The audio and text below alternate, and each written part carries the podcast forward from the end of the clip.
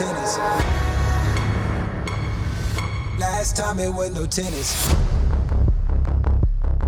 Welkom bij de twaalfde editie van de Ketelhuis podcast. Ik dacht eigenlijk dat ik wel iets voor u kon betekenen. Ik heb een paar nieuwtjes gehoord onderweg. Ook kunst en cultuur is essentieel voor het welzijn eh, van mensen. Er is ook maar niemand in het kabinet die dat uh, on on ontkent. Gerda, dat weet hij beter dan ik. Een bioscoop is op zich natuurlijk toch geen café. Ook de zachte stemmen verdienen het om gehoord te worden. Good luck. De Ketelhuis podcast. Ik zou er maar naar luisteren.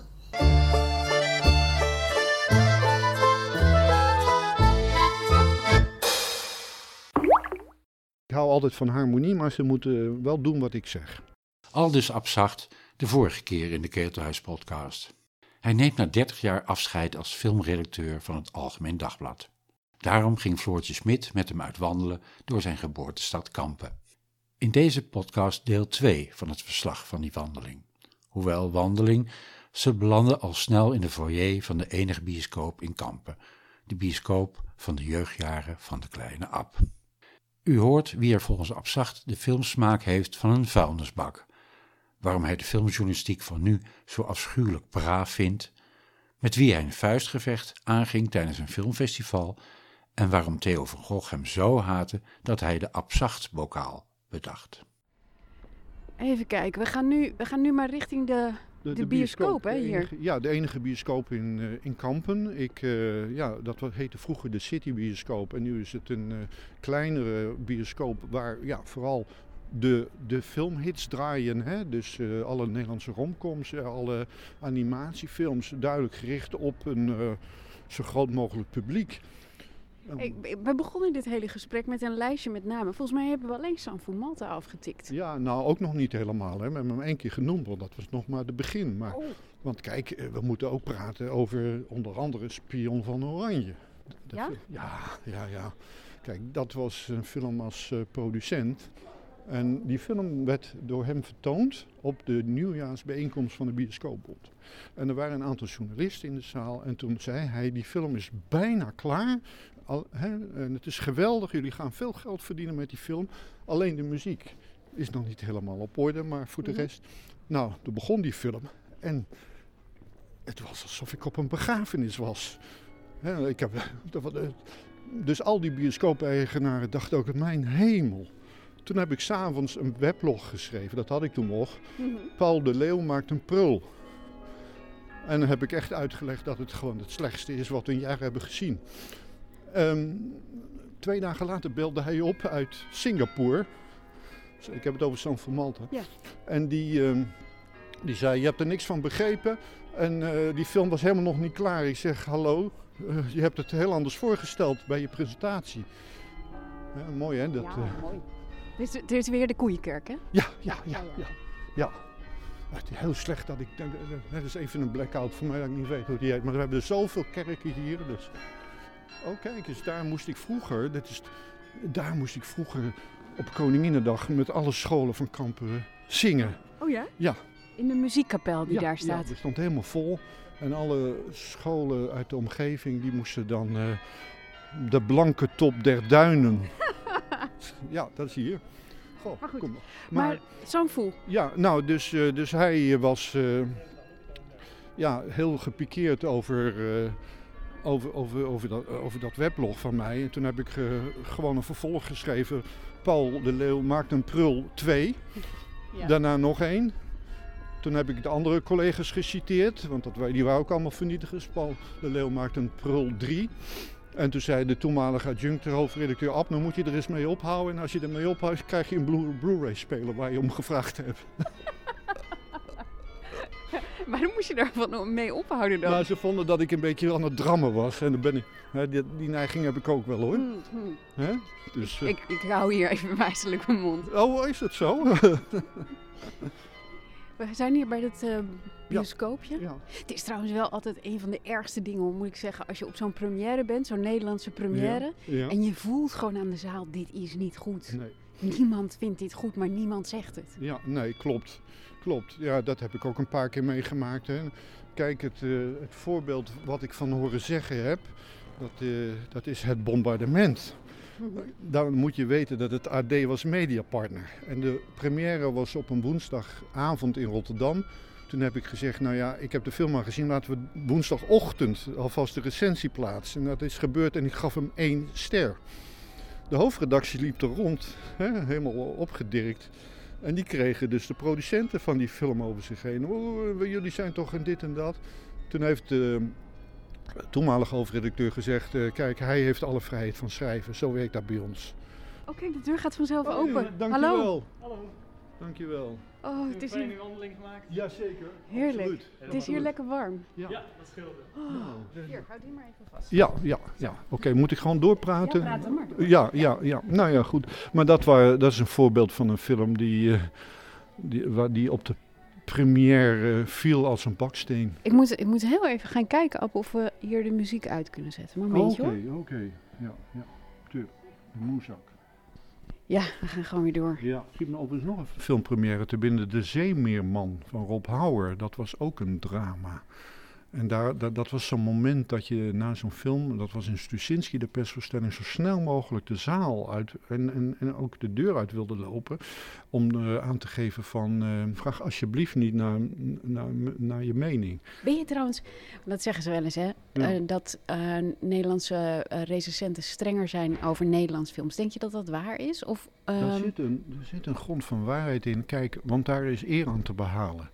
Als jij eh, een recensie schrijft over de nieuwe van Spielberg of de nieuwe, eh, ik noem maar een van Trier. Ja, dan zit je in een groot internationaal circuit en dan hebben de, de, de, de trade papers hun recensies al lang eerder geplaatst.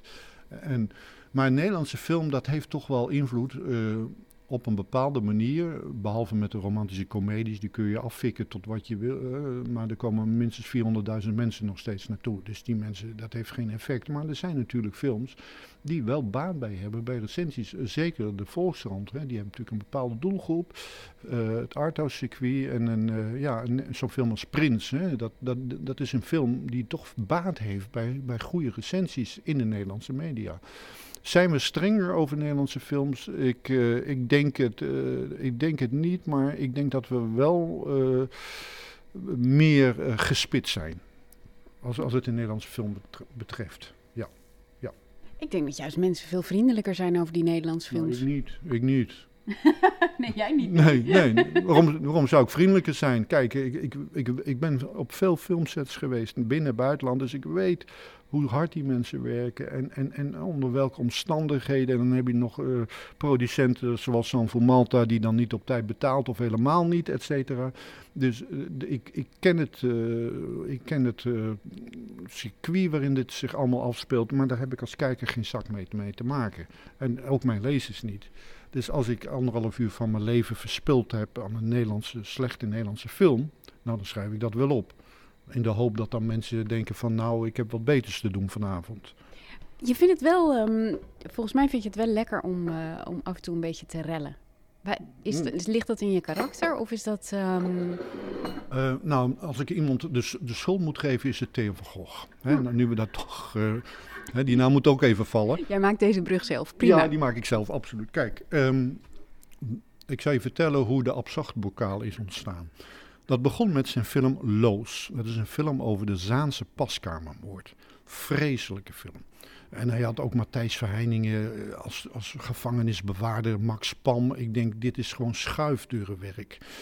Nou, ik had die film heel hard besproken, zoals hij zijn column schreef, toenmaals in het Parool. Hè, dan heeft hij, ging hij ook eh, vreselijke voorbeelden over Monique van der Ven. Dat is ook een heel afschuwelijk verhaal, maar ik denk, hij- een koekje van eigen deeg. Wacht even, Monique van der Ven. wat- Nou, hij heeft ooit een column geschreven dat ze leurde met het overlijden van, van haar kindje. En toen heeft hij, om zeker te weten dat ze dat zou lezen, zelf de column bij haar in de brievenbus gestopt. Dat, ken je dat verhaal? Nou, Nee, dat verhaal ken ik nou, niet. Nou ja, ik, ik heb het uit de Volkskrant, dus dan klopt het. Sowieso. Sowieso. Maar goed, even terug naar Loos. Dus ik had die recensie geplaatst tijdens Kan. Eh, Echt heel bot, bewust bot. Want ik denk, jongen, jij praat zo over mensen, nou, het kan jou ook overkomen. Toen was Frans Korter nog eh, in dienst voor een parool en die kwam, eh, naar me toe op een avond en die zei: Hij is woest op je, hij wil je in elkaar slaan. Want hij had een hele goede relatie met een AD-journalist, Jean Le Noble. Hij was ook een, een, een, innemer, maar een hele goede schrijver. Niemand kent hem nog meer, want je vindt niks terug op internet van hem. Maar het was een geweldige. En die had wel iets met Van Gogh. Dus Van Gogh had een personage in de film Jean Le Noble genoemd. En ik denk, nou, bij het AD zit ik wel goed. hè? Nou, toen kwam ik voorbij. Dus Kotterus waarschuwde, hij gaat, uh, hij gaat je zoeken en uh, geeft hij ook een klap. Uh, nou ja, ik zeg, nou, daar ga ik niet wakker van liggen. Vier, vijf maanden later word ik gebeld, toen was hij al weg bij het parool. En toen is hij begonnen in de krant op zondag, wie kent dat nog? En toen werd ik gebeld door een medewerkster van mij, Monique van der Zanden, die werkte daarvoor. Hij zei, ze zei, Ab, je moet niet schrikken morgen, maar er staat een heel groot stuk over jou van de hand van Theo van Gogh. Nou, met veel moeite die krant te, te pakken gekregen. En heeft vijf keer over drammen gesproken. Hè, wat ik deed met deed hij over mij. Hij heeft mijn hele carrière uitgeplozen, hoe ik die baan had gekregen. En ik, ik, eens, hij, hij, hij is een hork die schrijft als een, met een hark. Dat soort teksten had hij. Maar goed, het was heel louterend. Want ik denk, nu krijg ik, krijg ik een keer. Hè, dus dat, uh, nou ja, dat was even slikken, geef ik eerlijk toe. Maar daarna ging het weer door. En hij ronde die serie af met de Abzachtbokaal. Toen is hij naar de Rotterdamse Kunststichting zelfs gegaan met het verzoek: ik wil een prijs instellen, de Abzachtbokaal. En daar moet jaarlijks 5000 euro voor beschikbaar zijn. En, en wie ging dat dan?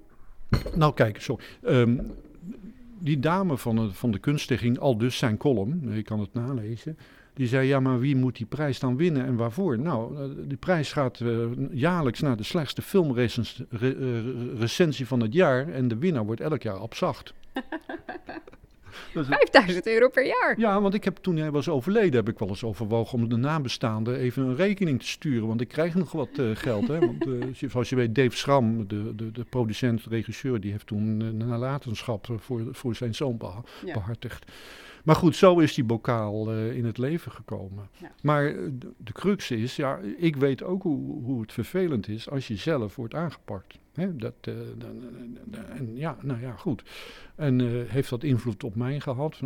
Ik, ik, denk, nou ja, er moet al wat leven in de brouwerij komen. Hè, want Theo van Gogh, ondanks alles, wordt hij wel gemist. Mm -hmm. En ik ga me niet met hem vergelijken, maar goed, ik vind de, de, meeste filmjournalisten veel te braaf in Nederland. Zeker op dit moment, veel te braaf ik begrijp het ook wel, want het leeuwendeel is uh, freelancer. En dan heb ik het ook over de internationale filmjournalisten. Die moeten sappelen. En ik heb de luxe, ik word in de, recht, in de rug gedekt door mijn krant.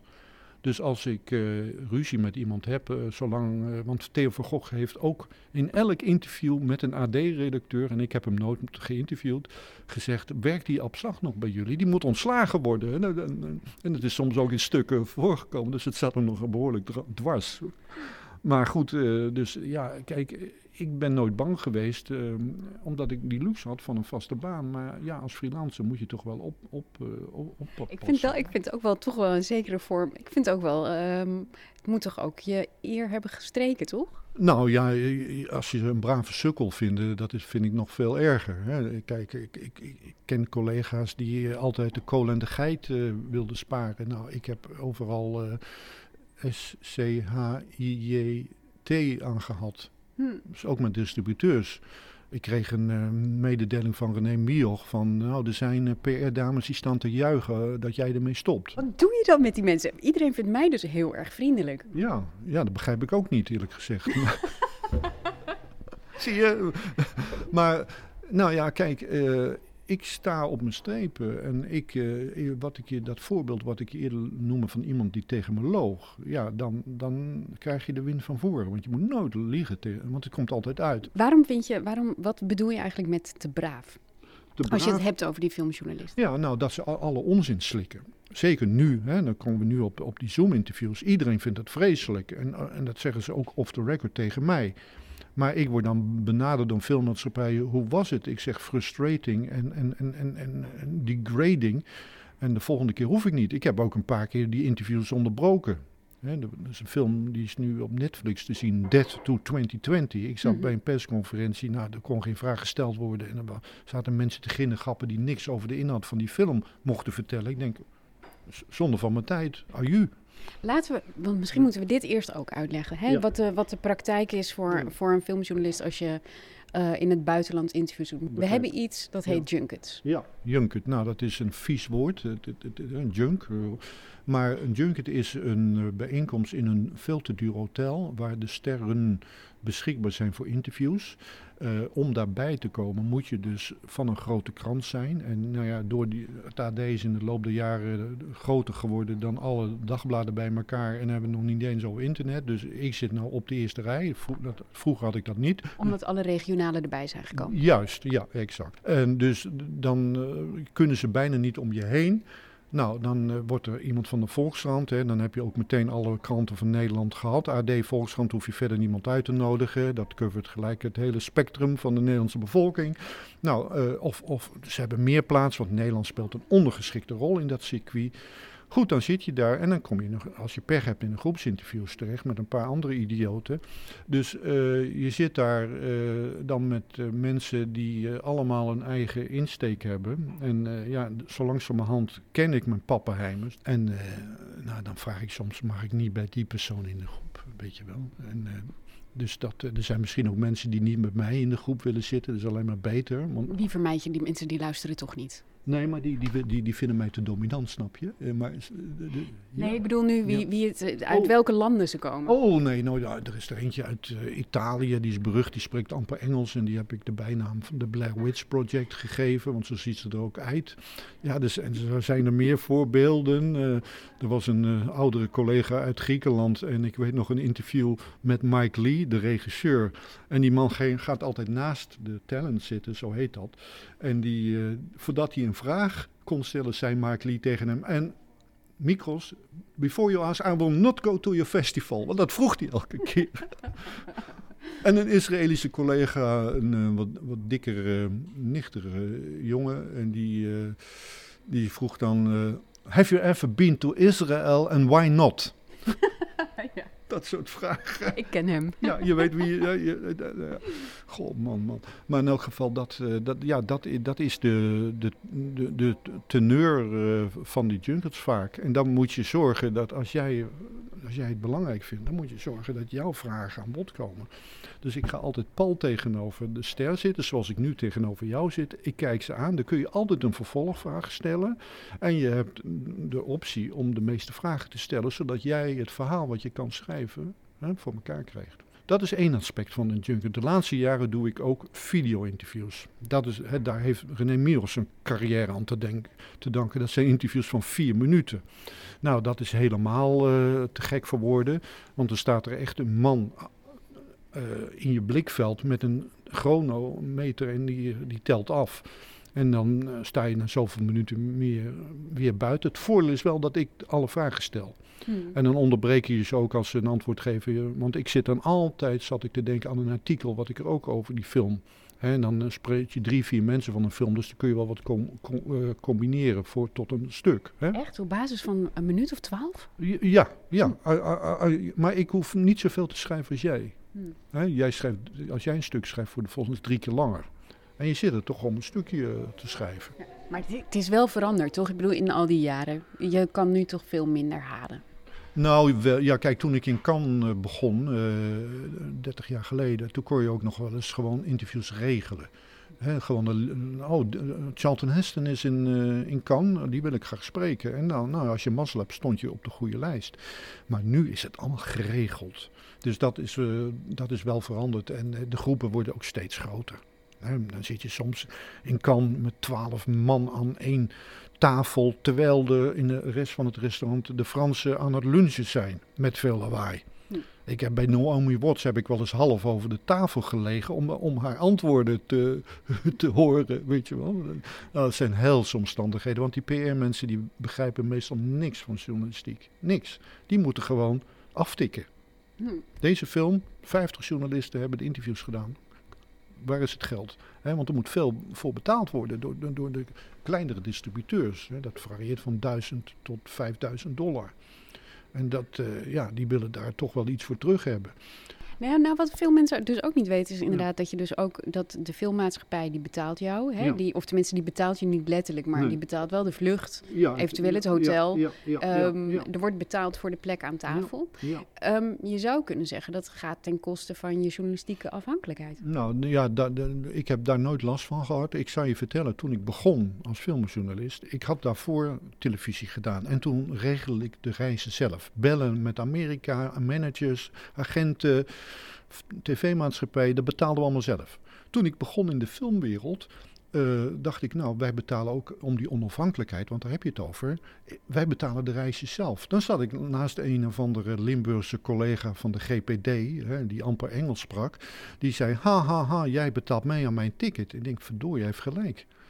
Hè, want eh, ook de Telegraaf betaalde wel eens zelf.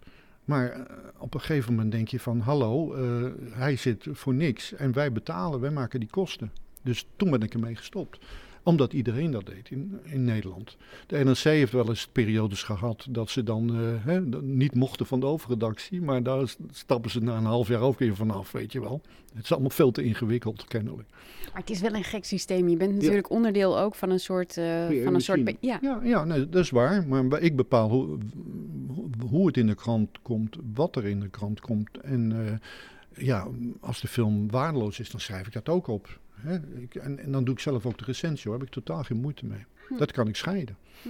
Want ze, ze hebben mij harder nodig dan omgekeerd. Het, het, het AD bestaat wel hoor.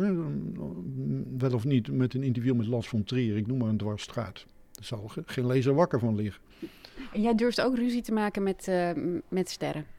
Ja, dat is me ook een paar keer overkomen. Niet alleen door mijn schuld. Maar goed, als je een paar, wil je een paar voorbeelden horen? Nou, Uiteraard. Nou, eh, pijnlijk voorbeeld is Russell Crowe. Dat was voor LA Confidential. Toen was hij nog niet zo bekend. En ik zat daar om, eh, het was in Cannes, om ehm, Kim Basinger te interviewen. Maar dan moet je eerst de regisseur doen en zo. Je kent het systeem. Hè? En ook eh, meneer eh, Crowe. Ja, want eh, de mensen kennen het systeem niet, maar het is een beetje verplicht. Je moet eigenlijk iedereen dan Ja. van de film interviewen, ook al heb je Ja. maar interesse in één. Juist, ja, exact. Nou, in mijn geval was het Kim Basinger. Dus ik zat, hij zat, ik zat naast hem en ik had de Hollywood Reporter bij me. En hij zag dat ik mijn ogen afdwaalde naar dat blad. Hij pakte dat blad op en hij gooide dat in de hoek van de kamer. En er waren zes collega's en die keken me aan. Wat gaat hij nu doen? Als ik een man was geweest, was ik weggelopen. Ik zeg, dikke vinger, joh. hè. Maar toen dacht ik, ja, maar ik zit hier voor Kim Basinger. Dus als ik nu wegloop, mis ik dat interview met Kim Basinger. En dat wil ik toch eh, doen. Dus ik ben blijven zitten. En, eh, ik heb hem een paar keer aangekeken, maar ik denk, ik ga geen eens een vraag aan je stellen, eikel. En eh, eind van de dag, nu komt het, Kim, Kim Basinger zegde alles af. Dus ik had verdorie gewoon weg moeten lopen. Ik maak een sprong, twintig jaar later heeft meneer Russell Crowe, en nu, nu, nu zo werkt dat wereldje, voor het eerst een film geregisseerd en ik deed hem voor video. En hij heeft een reputatie, dat weet je. Hè, hij, gaat nog wel eens op de vuist met mensen. Maar toen had hij dus die film gere- geregisseerd, toen was je poeslief voor de camera. Want toen had hij je nodig. Hè. Zo werkt het ook. Het is Hmm. altijd verstrengeling van belang. Het belang van mij als journalist, voor de krant en van de filmmaatschappij. En als het goed werk oplevert, goede films die de aandacht waard zijn, heb ik er totaal geen moeite mee. Als het niet goed is, ja, dan, eh, dan, dan, dan schrijf je dat op. Ja. Dus, eh, nou, ik heb ook eh, ruzie gehad met, eh, met eh, Robert Downey Jr. voor de eerste Iron Man film. Want je weet, die had ook een drugsverleden. En ik had gelezen dat Mel Gibson voor The Singing Detective zelf de verzekering had betaald. Want het was, hij was een risicofactor. Ja, op, Ho- op Hollywood sets, die acteurs moeten ontzettend worden verzekerd. En hoe, hoe slechter hun reputatie is, hoe hoger die verzekering is. Exact, exact. En eh, hij, eh, nou, ja, hij was echt eh, heel erg verslaafd geweest aan alles. Hij, hij ging slapen bij, in het huis van de buren, denken dat het zijn eigen woning was, dat soort dingen. Maar goed, ehm, ik denk, ja, dat verhaal, dat is een zinnetje wat ik ooit ergens gelezen heb. Daar wil ik meer over weten.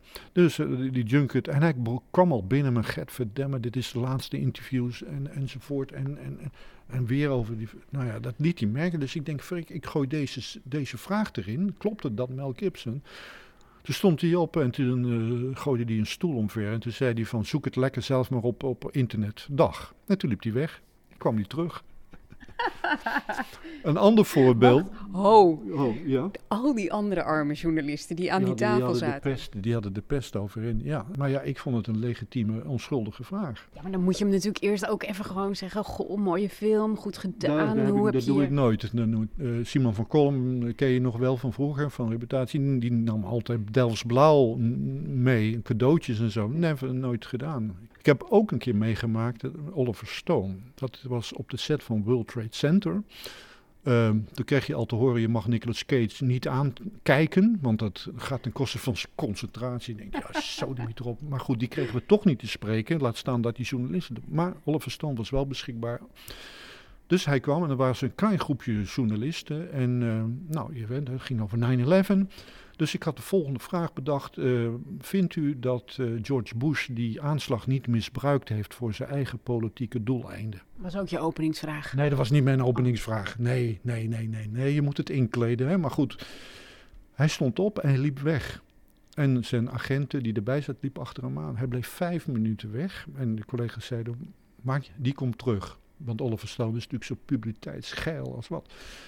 Hij kwam terug en toen wees hij mij aan en zei... het antwoord op je vraag is ja. Maar we gaan het nu weer hebben over de brandweerlieden, want daar gaat mijn film over. Een week later werd ik thuis gebeld door de filmmaatschappij, eh, Patty Watson. En die zei, Ab, Ab, Ab, wat heb je nu weer uitgespookt? En ik dacht, wat krijgen we nu? Betty Watson is... eh, PR-dame. PR-dame van, eh, dus die, die, die had dat allemaal geregeld. En eh, ik zei, nou, ik heb gewoon mijn werk gedaan. Ja, oké, nou, ik zal het je maar vertellen. Oliver Stone, die wil jouw telefoonnummer, want hij wil je toch bellen om een antwoord te geven op jouw vraag. Ik zeg, nou, je kan het geven, maar never nooit gaat iemand tijdens een filmopname een journalist uit Nederland bellen.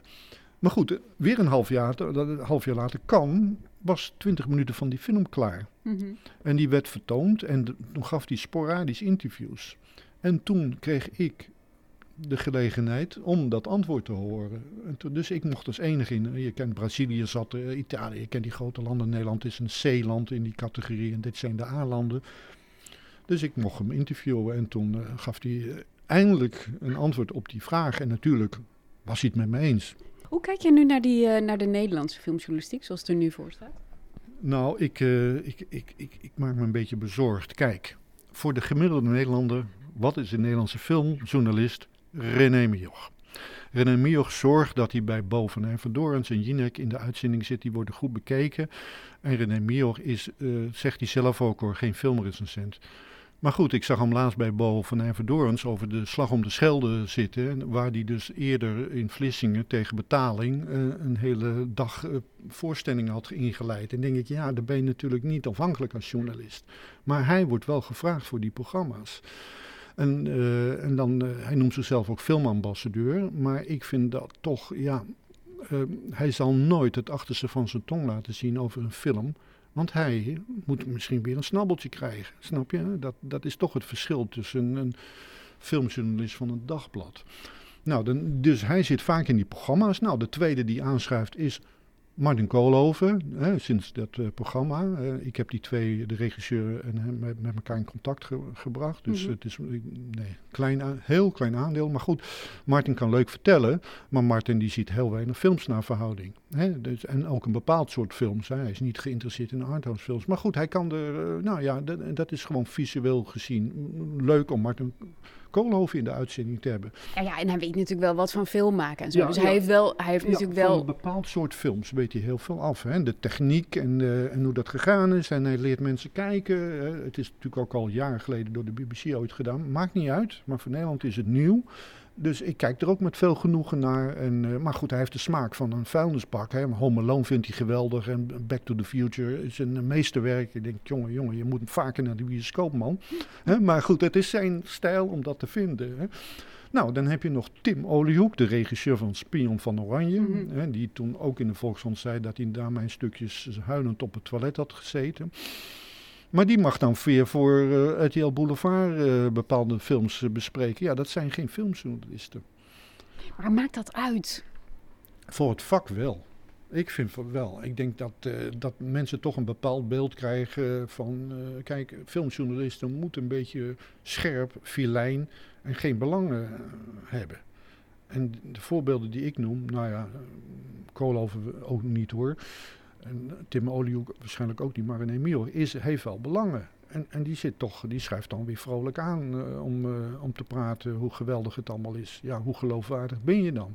Nou, en zelfs Aante de Jong, hè, de, de, nou, ja, de drama queen uit Zeeland, die werkt tegenwoordig voor de radio. Hè, die zie je ook al. En dan blijkt dus dat hij die film amper heeft gezien. Maar er zijn misschien dus ook niet mensen die in de krant staan, die dusdanig zichzelf weten te profileren, dat die ja. ook leuk worden gevonden voor tv of radio. Of ze ja. bieden zich niet aan. Nee, nou ja, radio is een ander verhaal. Hè? Want jij en ik werken mm. veel voor de radio, et cetera. Dus ik word ook weer regelmatig gevraagd voor dingen. En ik vind radio veel leuker. Ik, ik heb ooit geweigerd om in de wereld draait door naast Koolhoven over Avatar te zitten. En daar heb ik zo spijt van. Want er zat Con van Zwol van NRC als een soort konijn. Uh, met, met, met, die in de koplampen keek van een auto. Zo, zo, denk ik. En dus Koolhoven kon scoren wat hij wilde. En die was veel te lang aan het worden. Ik denk, dan was bij mij niet gebeurd. Maar goed, uh, dus, uh, dus ik heb het ook een paar keer geweigerd om, om te doen. Bovendien ben ik zo lelijk dat ik niet op de televisie wil. En de gemiddelde filmjournalist is ook behoorlijk onaantrekkelijk. Ja, wat René Mioch dan en die uitzendingen doet, weet ik niet. Maar, hè? maar... Ik, laat, ik zeg hier ook niets over. ik, ik moet nog een paar jaar mee. Ik niet meer. maar dat is wel zo. Dat, je, dat, ze, dat die programma samenstellers, die redacties, kijken ook naar hoe leuk ziet iemand eruit. En ik, ik, ik ben haar naam kwijt, maar ik zag Koolhoven laatst ook met een mooi jong meisje met, met, met krullend haar. Noah. Ja, ja nou, nou dat, dat, daar gaan die programma's voor. Maar ik heb geen flauw idee hoe groot dat filmkennis is, wat ze wel of niet heeft gezien. En in ons vak moet je wel enige bagage hebben om, om, het, uh, om het goed te kunnen doen, vind ik. Het, het, probleem is volgens mij ook dat ze bij tv gewoon vooral iemand willen die heel enthousiasmerend is. En niet per se iemand die iets kritisch vertelt. Dan ja, vinden ze vaak maar lastig. Ja, nou dan wordt het uh, gewoon, uh, gewoon een, uh, een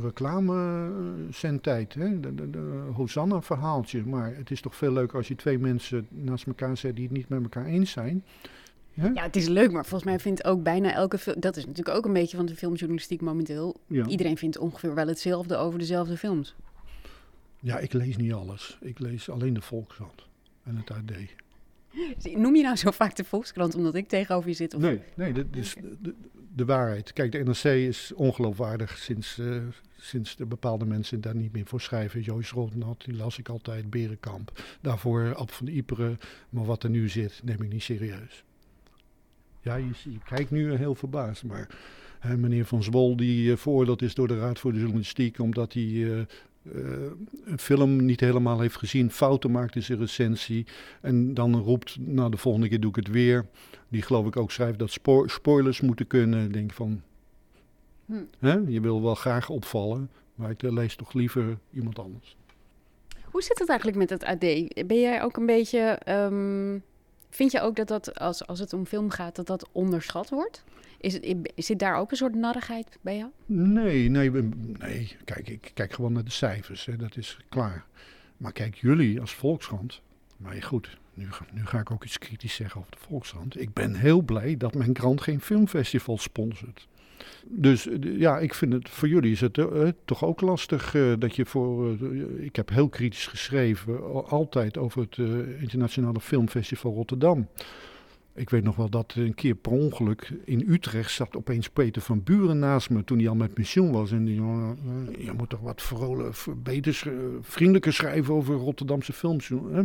Nou, die, die, die werd daar uh, op een troon gehesen hè, enzovoort door dat festival. Hoe onafhankelijk ben je dan als journalist? Ik heb trouwens nooit echt last daarvan hoor. Want het hele festival wordt natuurlijk.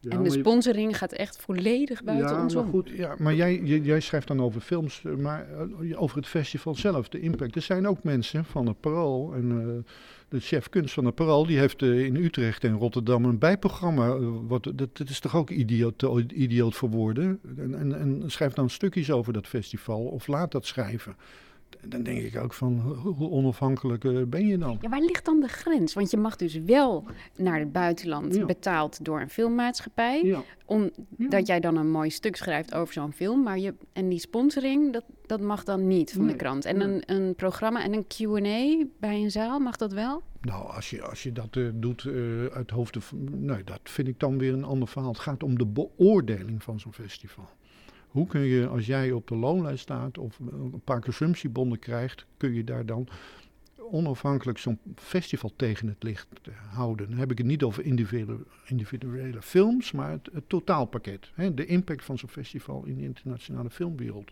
die is niet groot. Ik, ik hoop dat de nieuwe directrice daar wat verandering in brengt, maar ik, ik geef het te doen. En ik heb de tijd uh, meegemaakt van Bals. En uh, ik, uh, ik heb voor het magazine een stuk geschreven over de mensen die ik toen in de beginjaren heb geïnterviewd, weet je wel. En, en, en dat is allemaal minder geworden. Hm. Dus op de internationale filmagenda is Rotterdam niet meer zo belangrijk. ITVA dan weer wel, om eens een voorbeeld te noemen. Maar ik denk dat je het kritisch kan volgen en kan sponsoren.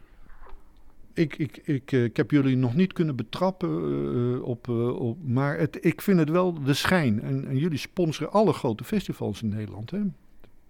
Ja, ja, dat is wel consequent. Ja, dat is wel consequent, ja, ja. Maar ik zou er als journalist binnen een krant niet blij mee zijn. Dus ik ben ook heel blij dat het bij ons niet is doorgegaan. Hm. We hebben overigens twee jaar wel gesponsord Film bij de Sea. Maar door mijn toedoen is dat bij twee jaar gebleven, ja. En je hebt, uh, we hadden het net al even over die, uh, die biografie van, uh, van ja. Carice. Ja. Uh, je was toen heel erg met Carice en Alina. Ja. Daar heb je nu ook ruzie mee? Ja, ja, nou ja, ruzie is een groot woord, maar kijk, hun film Instinct vond ik vreselijk. Wat vond jij ervan? Ik vond het een goede film. Echt waar? Ik, vond... ik heb wat mits en maren, maar ik vond het wel een goede film. Nou, bij mij kwam die totaal niet binnen enzovoort. En, uh, maar goed, gewoon een uh, kritische recensie. En op de dag van de première in Utrecht. En toen uh, kwam het duo over de rode lopen. En dan stond er een jong meisje van AD Video met zo'n plofkap, hè, AD. En toen gingen die twee dat meisje een beetje intimideren. En ja, dat, dat vind ik heel kinderachtig. Want ze hadden het over een gekke oom die voor het AD schreef. Nou, dat was ik. Mm Dat mag je zeggen, maar doe dat niet bij een meisje dat met een vragenlijstje stelt en een paar quotejes moet scoren voor de, voor, voor de site. Nou, ze had een quoteje. Nee, want dit is niet gebruikt. Voor mij had het gemogen, maar ze moest een ander quoteje uh, hebben, weet je wel. Dus, dus, dus, dus die werd een beetje daarop afgerekend. Nou ja, dat vind ik. Vervolgens heeft Haline Rijmer me tegengeblokkeerd op Twitter. En, uh, dus dan laat je je wel kennen. Want ze dachten natuurlijk, hè, door dat boek en die connecties, nou bij, ons, bij hem zaten we wel safe. Net zoals Steven Gogh dacht uh, 30 jaar geleden met, met Loos. Hm. Nee dus. Hm. En ik vind dat Carice uh, heel veel verkeerde keuzes heeft gemaakt. Er zijn films die, no die wij nooit gezien hebben. Hè, er liggen er nog een paar op de plank die nooit uitgegaan zijn. Dus uh, ja, ze heeft gekozen voor het geld van Game of Thrones. Maar ja, artistiek gezien maar je belt nog wel met haar, of niet? Nee, dat hoeft ook niet. Nee. Maar dat komt allemaal in mijn, uh, mijn andere boek. Welk andere boek al? Vertel. nou, de werktitel is De Poes van Alina. Daar zit een heel verhaal uh, aan vast, wat ik niet ga vertellen nu. We hebben het over een fysiek, een, een, een, een dier, de poes, toch? Van nee. Alina. ik, uh, ik laat het in het midden. Dat, dat mag je ook letterlijk nemen. maar goed, dat wordt dan. En dan ga ik toch bepaalde dingen uitleggen, weet je wel. Wat, uh, ja, wat, uh, hoe die wereld in elkaar zit. Uh, want kijk, zodra je aardig bent en belangrijk bent, zijn ze heel aardig. Maar het zijn nooit echte vrienden, weet je wel. Dus als je dan verraad pleegt, zoals ik, dan word je gestraft. Aline Rijn heeft het een column in het AD gehaald. Dat is de slechtst gelezen column aller tijden. Ik heb ooit een reactie van een lezeres gezien en die had uh, eh, 300 woorden, 50 keer het woordje ik, ik, ik aangekruist. Dat, meer zeg ik er niet over, maar daar gaan we wel over uitweiden, TCT. Ja, dat, ja. dat komt in je boek. Wat voor boek wordt het? Uh, Gaat het alleen maar over Alina? Nee, nee dat, is, uh, dat is het. Ja, ja, Ik had een andere titel, maar een Belgische collega wilde die gebruiken. Not in front of the talent, want dat heeft te maken met een knokpartij die ik ook bijna gehad heb met een Australische collega. Tijdens een interview met Courtney Love. Hoe dan? Ab, hoe? nou, Courtney Love had die film uh, van Larry Flint gemaakt, hè, van Milis Forman. Zondagochtend in Berlijn en er werd gezegd van, uh, je moet, er mogen geen vragen over drugs gesteld worden. Hè, want ze had ook een ervaring, hè, nou je kent het verhaal. Goed, toen zat er een... Australische collega, die later de bijnaam bleek te hebben, de Butcher Boy. En die zat het gesprek te monopoliseren, wat ik probeer, maar hij deed dat en denk ik, ho ho gast. Maar die stelde alleen maar vragen over muzikale verleden. En ik denk, ik zit hier voor een filmrol. en het was een goede vertolking. Dus toen stelde ik de vraag, uh, waarom heb je gekozen voor Hollywood als actrice? Hè? Is het, uh, vind je de artistieke uitdaging groter? Ik zat het heel zorgvuldig te formuleren en toen kwam die hufter ertussen. Of hebben ze betere drugs daar? oh. Nou, dat deed hij nog een paar keer, ook bij anderen. Na afloop, je kent dat, de ene groep gaat uit de zaal en de volgende. En in de hal zeg ik, next time keep your fucking hands from my questions. Slecht Engels, maar de teneur mhm. is duidelijk. Hij greep me bij mijn strot. En hij wilde, die jongen had zelf gesnoven.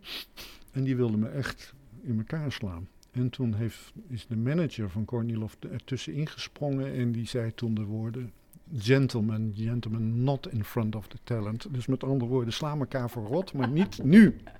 Het mag in de lift. Ja, nou toen heeft hij hem tegen. Hij zei: Ga jij naar beneden? Maar toen, en zo werkt journalistiek in de vakbladen was ik in het ziekenhuis beland. Het was een knokpartij, er was een mes getrokken. Dat ging steeds meer een eigen leven leiden. Dus ik, ik heb er spijt van dat ik die knipsels niet bewaard heb, maar snap je, zo werkt het ook. En grote journalist uit Engeland zei, uit Engeland zei tegen mij, uh, Appe, eindelijk blij dat er, uh, dat er wat gebeurt, want het is tot nu toe een saai festival geweest. ja. Nou, nu met, uh, oh, ja. misschien nog wel drinken? Uh, nee, nee, dankjewel. Ik, nee, ben ik, heb, ik heb nog. Ik, heb, ik, heb precies, ik moet alleen maar praten. Ik, ja, sorry, maar die is toch niet meer lekker, man? Die is heel vies. Mm. Gaat. Ja, Hij ja. kan een nieuw bakje. Als je dat wil, heel vriendelijk. Maar goed, dus dat. Uh, zo, hoe kwam ik op dit verhaal eigenlijk? Het ging over je boek en over de titel. Oh ja, ja, ja. ja. Oh, nou ja, goed. Dus, uh, dus de, de, opzet van het boek wordt. Uh, ik, ik, ik, ik wil het met enige ironie. Uh, ik wil mezelf niet serieus nemen. Ik heb heel veel boeken thuis liggen van filmjournalisten die ermee gestopt zijn. de een die heeft het met die actrice gedaan op de keukentafel, et cetera. Ik geloof er geen barst van. Dus ik wil, dat, ik wil dat allemaal relativeren, ons beroep. Want er is een Engelse collega, en dat zou je niet leuk vinden, die heeft uh, een krant ooit met een warenhuis vergeleken. Mm -hmm. En toen zei hij, maar filmjournalisten, wij werken voor de speelgoedafdeling. Om even aan te geven hoe belangrijk, dankjewel, hoe belangrijk dit is in het licht van wat er echt in de wereld aan de hand is. Nou ja, dat is het ook, Ab. Waarom, waarom beland jij iedere keer in vuistgevechten om films? Zo belangrijk is het toch niet? Nou, hij zat aan mijn werk. Daar moet je vanaf blijven. Oké, maar los daar, ik met vuistgevechten bedoel ik symbolisch. Ja, nee, gewoon... Uh, Ruzie bedoel je dan? Ja, ja, nou ja, goed. Dat, dat, ja, dat is een, een winnaars schaken. Schakers willen winnen, dus tegenstander vernietigen. Uh, zoals Bobby Fischer zei, ik wil ze zien kronkelen van ellende. Dan, dan, hè, dan staan ze in een stelling waar ze niet, niks kunnen doen en dan geniet hij. Een soort sadisme. Dat ben ik dan weer niet, maar ik wil maar zeggen van die mentaliteit van uh, verdorie, ik vat het persoonlijk op. En zo, uh, nou, daar heeft de krant alleen maar voordeel van gehad. Ik zit nog even te denken, hebben we nu iedereen van het lijstje eigenlijk gehad? Um, even nadenken hoor, Van Gogh. Uh, nou ja, Ate de Jong, dat kom ik weer terug op, op, op het bombardement. Ate de Jong is een hele lieve, zachtaardige man. Daar kun je ook alles tegen zeggen. Die is niet rancuneus. Hij heeft me onlangs nog uh, gelukkig kerstfeest gewenst. En ik heb toch wel een paar vreselijke dingen. Nee, die zei ooit van... Ja, Ab, door die recensie van het bombardement. Ik reed s'avonds naar huis en ik wilde me eigenlijk tegen de vangrail... Uh, oh. Ja, dat is Aten. Drama queen. Tuurlijk heb ik dat niet gedaan.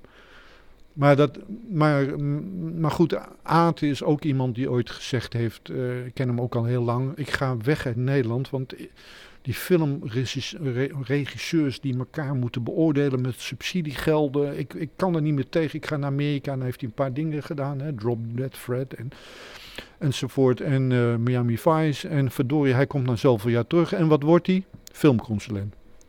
Ja. Snap je? Dat, dat, ja, dat vind ik aan de ene kant geestig, maar niet consequent. Dus, nou, maar wie hebben we verder? Uh, ja, ik, ik zou het e-, eerlijk gezegd uh, niet weten. Nee.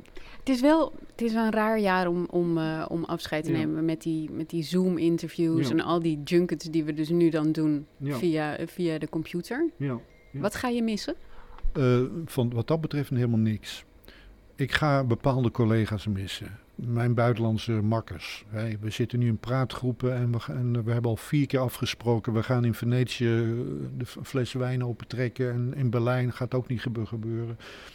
Ik, ik ga mensen missen, weet je wel. Dat, en natuurlijk de films. Maar films kan ik altijd zien. Het is geen toneelstuk waar je per se bij moet zijn. Dus films kun je altijd inhalen. En zeker nu. Uh, ik kwam tot ontdekking van de tien beste films van dit jaar. Heb ik er maar drie in de bioscoop gezien. De rest allemaal, uh, je kent het online of via een link. Uh, nou, vreselijk. Maar je kan dingen nog wel waarderen. Maar het is niet de echte bioscoopervaring. En ik hoop echt dat dat uh, weer begint. Hè? Ja, denk je dat het weer allemaal terugkomt? Gewoon de junkets, gewoon lekker naar Londen en naar Los Angeles? Ik denk, Nee, dat de Ik, ik spreek er met veel mensen over en iedereen is pessimistisch. Ik, ik, verwacht, ik verwacht dat het niet meer zo leuk is. Dus wat dat betreft stop ik op het goede moment. En eigenlijk is die beslissing voor mij genomen. Ik hoef nergens afscheid van te nemen, want corona heeft er al voor gezorgd dat ik afscheid heb genomen. Maar goed, ik, ik blijf werken voor Radio 4, dus dan moet ik elke week minstens twee films zien. Dat vind ik heel leuk, weet je wel. En dan uh, kan ik ook uh, kan heel veel dingen overslaan. Alle superheldenfilms, gelukkig, hè, waar ik veel te veel van heb gezien. Dus, dat, uh, dus ik kan ja, meer op mijn eigen smaak afgaan. Maar goed, uh, ja, joh, maar ik heb uh, alles meegemaakt wat ik uh, wilde meemaken. Vier keer op een James Bond set geweest, de Oscars meegemaakt, hoe karakter won, weet je wel. Ja, het zijn toch leuke dingen. Nou, heel veel plezier en succes. Ja, dankjewel. En jij ook met de, met de toekomst hè, van ons mooie vak. Want het is het mooiste vak ter wereld. Tot zover deze Ketelhuis podcast. Deze podcast wordt gemaakt door Hans Berenkamp, Nico van den Berg, Alex de Ronde, Floortje Smit en Lieselotte Roodpol. De Ketelhuismelodie werd zo'n 20 jaar geleden gecomponeerd door Sylvia Holstein. Je vindt de Ketelhuis podcast in je favoriete podcast app en natuurlijk op onze website ketelhuis.nl slash podcast. Hou ons in de gaten, we zijn snel weer terug met een nieuwe podcast.